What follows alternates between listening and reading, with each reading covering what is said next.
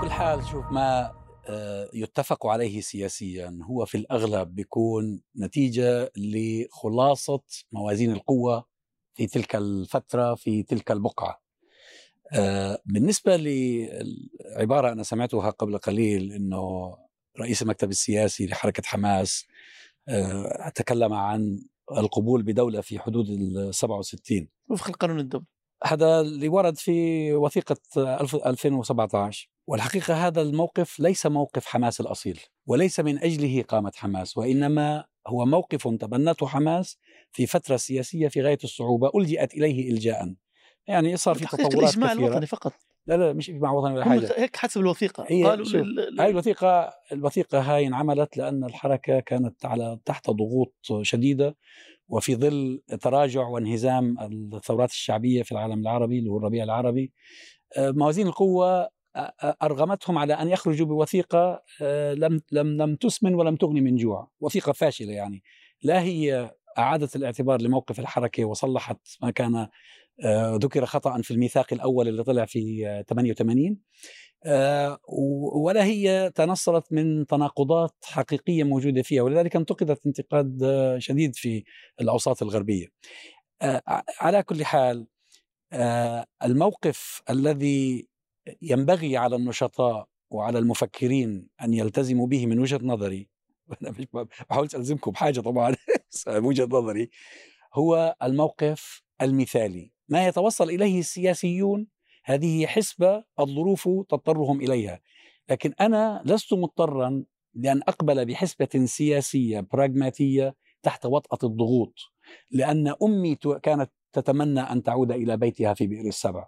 أبي كان يتمنى أن يعود إلى أرضه في الخليل.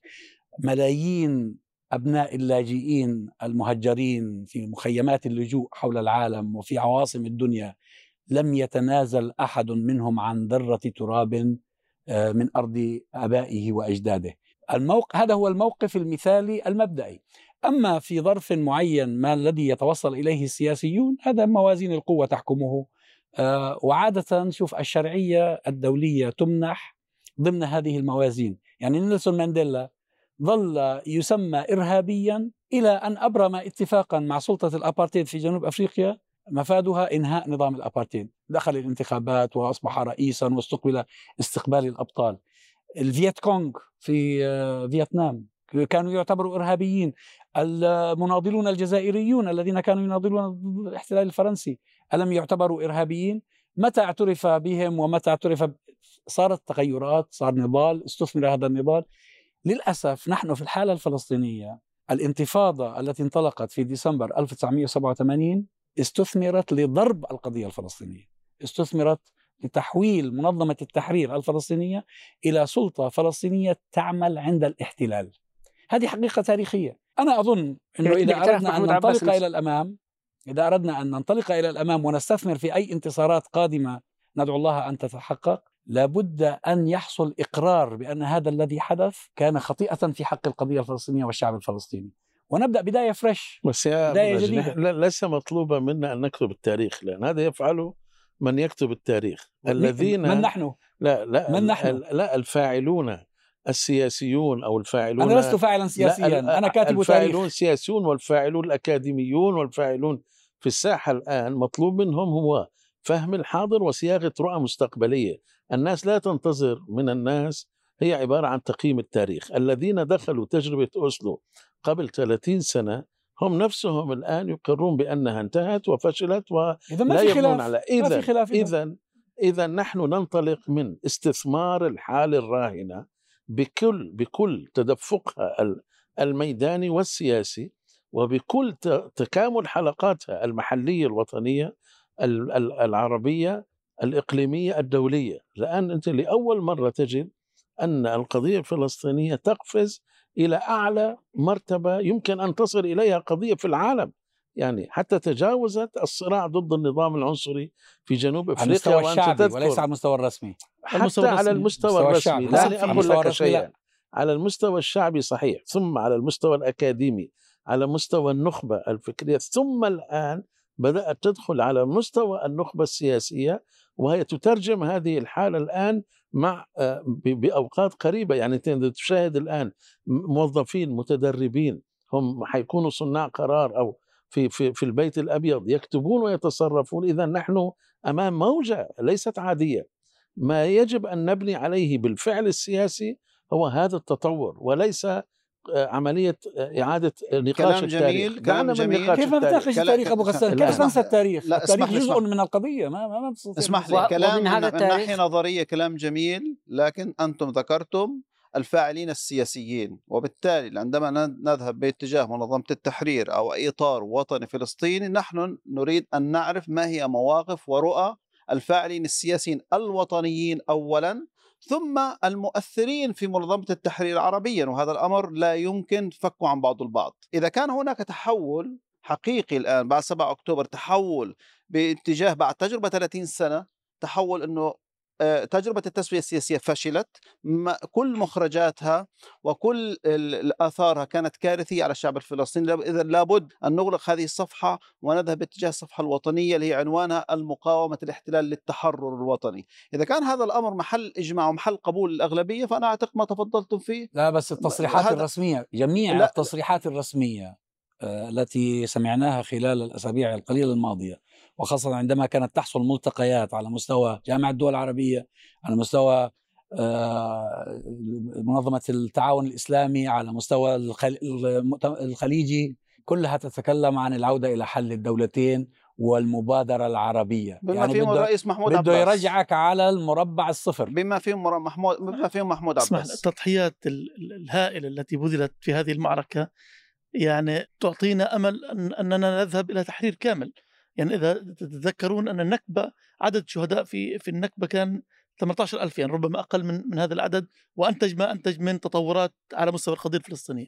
فأعتقد اليوم ما جرى من دماء وأنهار من من الدماء والتضحيات آه، تصل إلى عشرات الآلاف. يجب أن آه، تنقل واقعنا كفلسطينيين من مرحلة إلى مرحلة جديدة كليا. لدينا ثلاث خيارات آه، بتقديري الخيار الأول هو أن أن يكون أمام الشعب الفلسطيني مسار تحرري ثوري. لا يعترف بكل الواقع آه، ال- الموجود وينطلق باتجاه آه، يعني معركة مفتوحة آه، تج- تجعل الاحتلال وكل من خطط مع هذا الاحتلال يندموا على خوض هذه هذه المعركة. بمعنى أن إذا كان الاحتلال وحلفائه خططوا أن يكون الإطار الزمني لهذه المعركة أشهر لنذهب بمعركة هذه لسنوات حتى التحرير. والشعب الفلسطيني لا ينتهي. يعني هذه هذه معركة مصيرية نذهب إلى هذا هذا الموضوع ونعرف أن الاحتلال إذا كسر الجيش الإسرائيلي وهذا ممكن يعني نحن نتكلم عن بدء يعني تلاشي هذا هذا الكيان ووظيفته في هذه المنطقة. هذا مسار ممكن والشعب الفلسطيني قادر عليه إذا أراد ويحتاج أيضا قدر من الدعم والإسناد الإقليمي وأيضا ال- آه، الفلسطيني. المسار الثاني هو مسار الحد الأدنى من الإجماع ال- الوطني وهو مسار حل الدولتين أو آه، قيام دولة فلسطينية. وهذا نحن قريبين منه. فعليا نحن قريبين منه بشكل أو بآخر.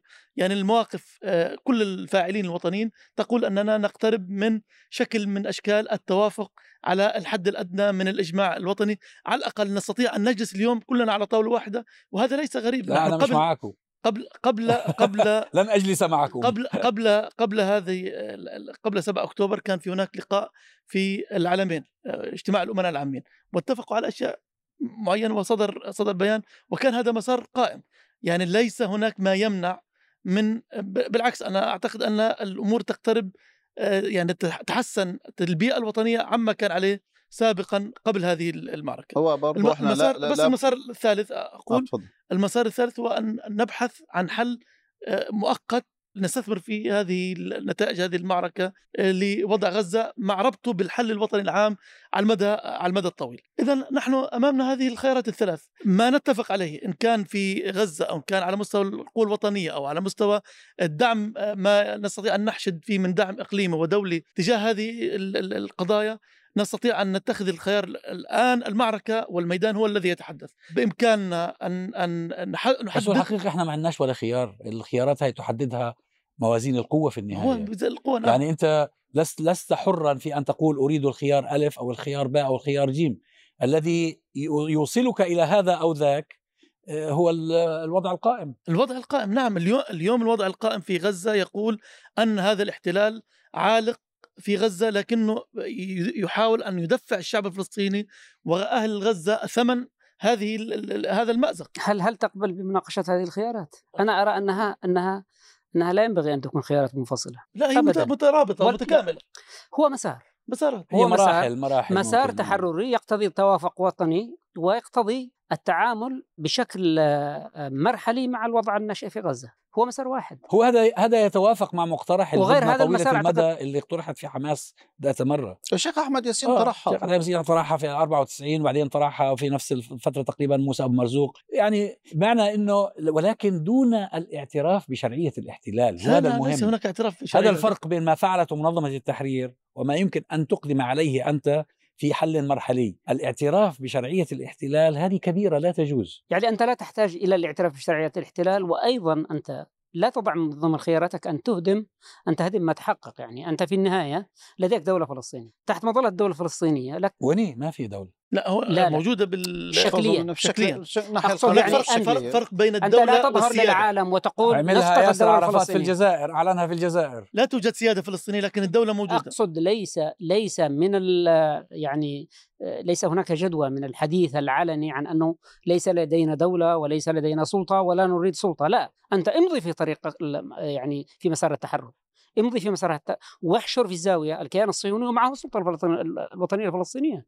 هذه السلطة إما أن تتساوق معك إما أن توفر لك غطاء سياسي أو تسقط في مزبله في مزبلة التاريخ. هكذا نقطة يعني. فاصله نقطة فاصلة. أعتقد في هذه اللحظة هناك متغير هائل وكبير جدا بعد 7 أكتوبر. يجب أن يكون معلما اساسيا في المرحلة القادمة. أما لاحقا نأتي ونعود لما قبل 7 أكتوبر ونبني على ما كان قبل 7 أكتوبر. أنا أعتقد أن هذا فيه قفز عن عشرات آلاف الشهداء الذين قدموا الآن وحجم التضحية والدمار الذي قدمته غزة تمسكا بخيار المقاومة سبيلا للتحرر الوطني. هذه مسألة جدا مهمة.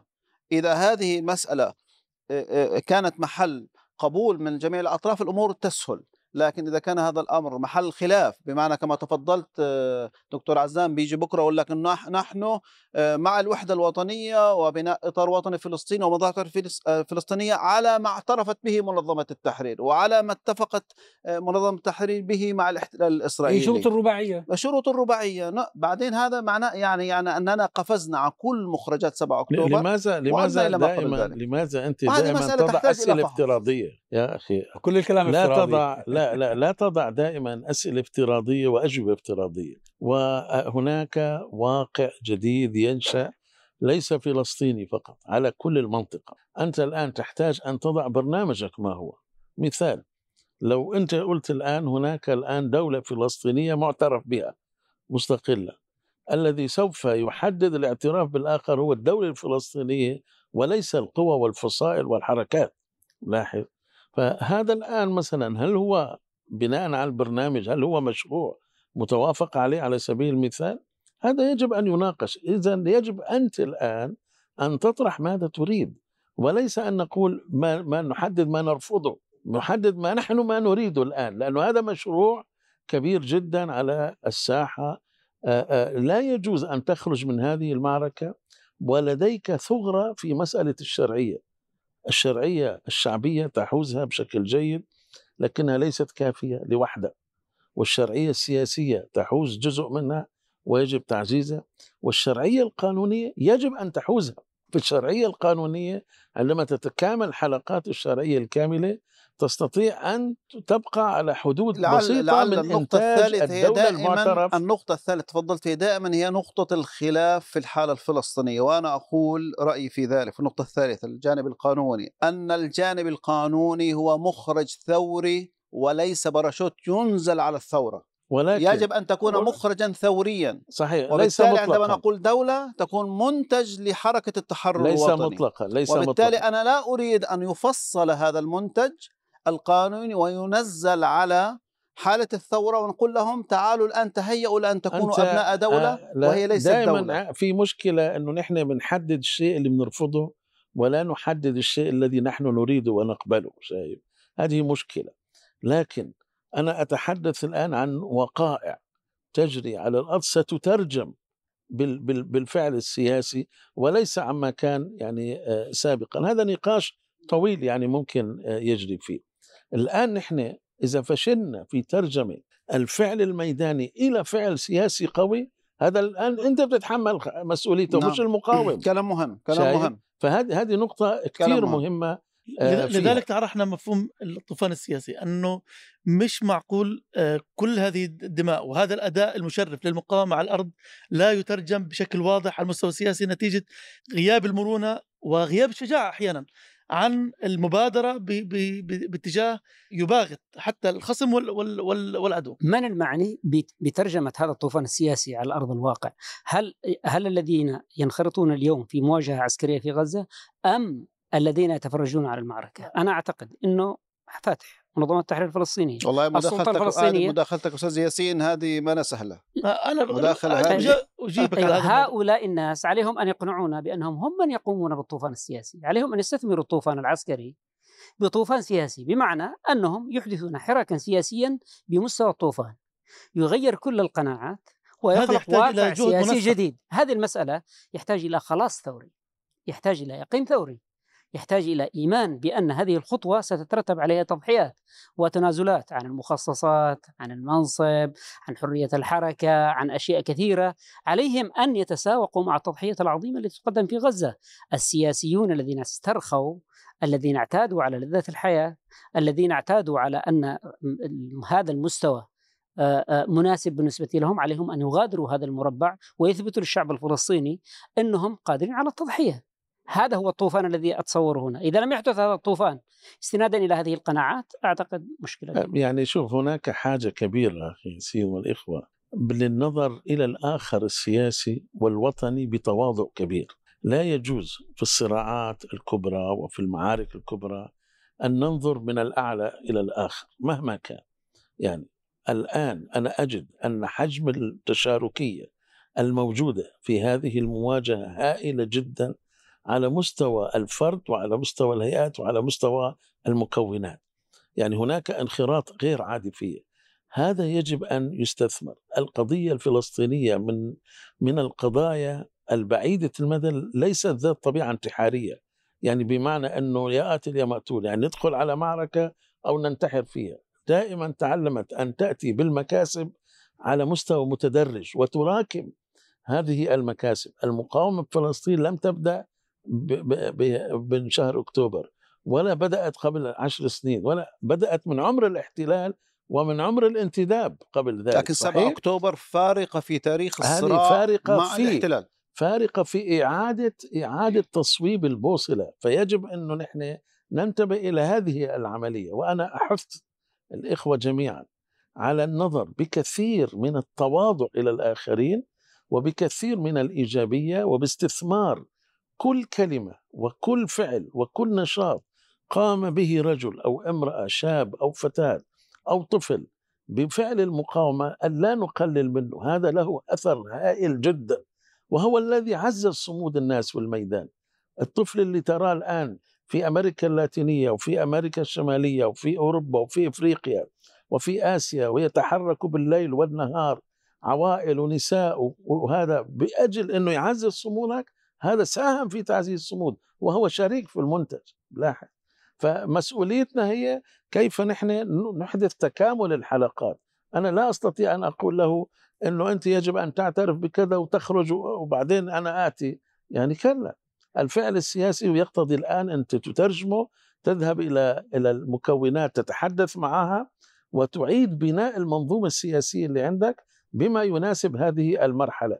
واللي مضى أنا أعتقد المعركة هذه تنهي يعني تجب ما جيد. قبلها جيد. وتنهي إن كان هذا وقائع آه، جديدة. إذا كان هذا الأمر ممكن البناء عليه فأنا أعتقد أن هذه يعني وصفة وصفة إيجابية يمكن فحص هذه نظرة متف... موغلة بالتفاؤل. يعني يعني في في قلت- كيان قلت فلسطيني هذه تحتاج لفحص. في كيان فلسطيني صنع حيث- على أعين النظام الدولي. هذا الكيان الفصيح هذيك نهار لسه هذا المتحدث باسم آه، مش عارف هو البيت الأبيض ولا مين كيربي كيربي. كيربي, كيربي جون كيربي آه آه بيقول منسق السياسات يقول إن علينا أن نذكر السلطة الفلسطينية في رام الله بأن من مهاماتها حماية المستوطنين من الفلسطينيين تصور يعني هذه سلطة صنعت على أعين منظومة دولية أرادت منها مهام معينة مقابلها هي أعطتها الشرعية يعني ما نستطيع أن نتجاهل طيب. هذا الواقع طيب لا طبعاً. مش أنا بدي حاجزك اسمح لي بالنقطه أنت الآن في 7 أكتوبر ماذا فعلت؟ أنت اشتبكت مع الإسرائيلي أم اشتبكت مع مع ال- المنظومة الدولية؟ أنت تشتبك الآن مع المنظومة الدولية وتعيد لا لا لا لا, لا بناء عفوا. آه، المنظومة لا لا الدولية توصيف غير دقيق. القضية. توصيف غير دقيق أستاذ أحمد. أنت تشتبك الآن مع أنا المنظومة اشتبك الدولية. أنا أشتبك مع المنظومة الدولية المنحازة الصهيونية. للاحتلال. الصهيونية المتصهينة. الصهيونية بغض. النظر هذا هذا اسمح لي. الجمعية العامة للأمم المتحدة عندما أخذت قرارا بوقف إطلاق النار في على غزة العدوان هذا وفتح الممرات الإنسانية أخذته بإجماع 124 دولة. الذي عارض 11 دولة فقط وبالتالي المنظومة الدولية في التوصيف القانوني والسياسي مع القضية يعني لا تقف عند. المصطلح أنا لكن أعتقد مهم مهم لا تقف عند هذا المصطلح هذه مسألة. حديث لا تقف عند أحمد مهم. المصطلح أنت الآن تشتبك بمعنى مع الدول الأساسية هذه الدول الخمسة التي تشارك الآن في هذه المواجهة ميزانية الدفاع لديها 2 تريليون في السنة شايف بمعنى آخر هذه منظومة وضعت ثقلها في هذه المواجهة. أنت وفشلت. تشتبك وفشل بغض أنت وتضع تشتبك ثقلها معها. في أوكرانيا ثقلها تفرض في وقائع جديدة أنت تفرض وقائع بمعنى آخر هذا ليس اشتباكا ثنائيا. فعندما تتحدث عن منظومة أنت تتحدث عن اريد منظومة أريد بس انطلق عفوا بس الطوفان نقطه نقطه مهمة. نص نص كلمة. آه. الطوفان لم يكن يعني اقتحام لحصون ال- ال- أو معاقل العدو وإنما كان أيضا خطوة في المفهوم, المفهوم السياسي باتجاه الضفة. إذا لم ننظر إلى الطوفان بأنه خطوة باتجاه الضفة لأنه كان بإمكان آه، حركة حماس أن تؤسس مستعمرتها السياسية وتتعايش مع الكيان الصهيوني وتنتفع وتعيش. آه نعم. لكنها كخيار. قدمت كل هذه التضحيات في دورات من الحروب والتضحيات لكي تثبت بأن بأن غزة ليست كيان منفصل كما خطط شارون ومنظومته. كانوا يعتقدوا أنه الخ- الخصومة السياسية بين فتح وحماس كفيلة بأن تفصل جغرافيا ال- ال- الضفة عن عن غزة. لكن ظلت حماس تقدم الدليل تلو الدليل على أنها لا تقبل ولا يمكن أن تقبل بتقسيم القضية الفلسطينية أو تجزئات الجغرافيه الفلسطينية. أنا أريد أن انطلق. مما من من التوصيف الدقيق لأخونا أبو أسامة دكتور آه، أحمد بخصوص آه، المنظومة الدولية. هذا جيد يعني آه، قراءة واقعية أن المنظومة الدولية ليست بالضرورة هي الغرب تماما أو القوى الغربية المركزية. وبالتالي اذا التعامل مع المنظومة الدولية ومراعاه بعض معاييرها أمر ممكن أن يكون مفيد بهذا بهذا المعنى. آه، هذا جانب. الجانب الآخر فيما يخص الطوفان ال ال ال 7 أكتوبر. 7 أكتوبر نعم هو نصر وحسمت المعركة في في ذلك اليوم. لكن الحفاظ على هذا النصر والمكتسبات يحتاج إلى استخدام كل الأوراق السياسية والمناورة السياسية والمرونة والتحالفات والاستناد على على التحالف أو على آلية إقليمية ما من أجل الحفاظ على ما أنجز. لأنه كما قال الأستاذ أحمد بخصوص بخصوص الاشتباك مع مع القوى الدولية المهيمنة أن طوفان الأقصى هو تجاوز الحدود. يعني هو لم ي... إحنا نحن كأبناء قضية فلسطينية وابناء ثورة فلسطينية إذا جاز التعبير ليس لا تفرق بيننا حدود غزة عن الضفة عن 48 هي فلسطين التاريخية بالنسبة لنا وهذا حقنا تاريخيا. لكن بالنسبة لمن وضعوا هذه ورسموا هذه الحدود أنت تجاوزت. كما إذا بوتين بكل ما يملك لم يتسامحوا معه فيما يتعلق بتجاوزه الحدود مع مع أوكرانيا. هم نظروا إلى هذا الموضوع بغض النظر عن الحجم والفروقات لذلك بايدن يتحدث عن حماس وبوتين. يعني وضع حماس وبوتين في مسطرة واحدة. إذا فعلا أنت تواجه اليوم هذه القوى المهيمنة القوى الغربية وبالتالي أنت يجب أن تستقوي بطريقة أو بأخرى بالمجتمع الدولي الذي تحدث عنه أخونا أبو أسامة. وأيضا القوى وتستند. تسند ظهرك أيضا إلى آلية إقليمية. ولذلك مهم جدا الحوار مع القوى الإقليمية التي ربما بعضها راهن على ضعف حماس وبعضها أيضا يعني آه، مشفق إذا جاز التعبير على الشعب الفلسطيني وبعضها آه، بطريقة أو بأخرى متعاطف ضمنا أو علنا مع مع المقاومة الفلسطينية. يجب فتح الحوار مع هذه القوى ولأنه لأنه أي لا قدر انهيار أو تراجع في قوة المقاومة أو وضع غزة هو بمثابة خطر حقيقي على الأمن الإقليمي وعلى الاستقرار في المنطقة لأنه لا يمكن, لا يمكن التسامح مع مسألة أن إسرائيل تصفي القضية الفلسطينية تصفي القضية الفلسطينية معنى ذلك كل مشروع الشرق الأوسط الذي بشر به بيريز قد يتحقق في في ضوء هذا الاحتماء الإسرائيلي مع مع القوى الدولية التي تسعى إلى إعادة إخضاع دول المنطقة اليوم اليوم هذه الإبادة وهذه المحرقة التي تتم في غزة ابتزاز وإهانة للقوى لقوى المنطقة إما أن يتدخلوا وربما يواجهوا حرب أو خطر الحرب أو أن أنهم يخضعوا في, في القراءة الواقعية اسمح لي أقول لك نعم. إنه المنظومة العربية اجمالا جامعة الدول العربية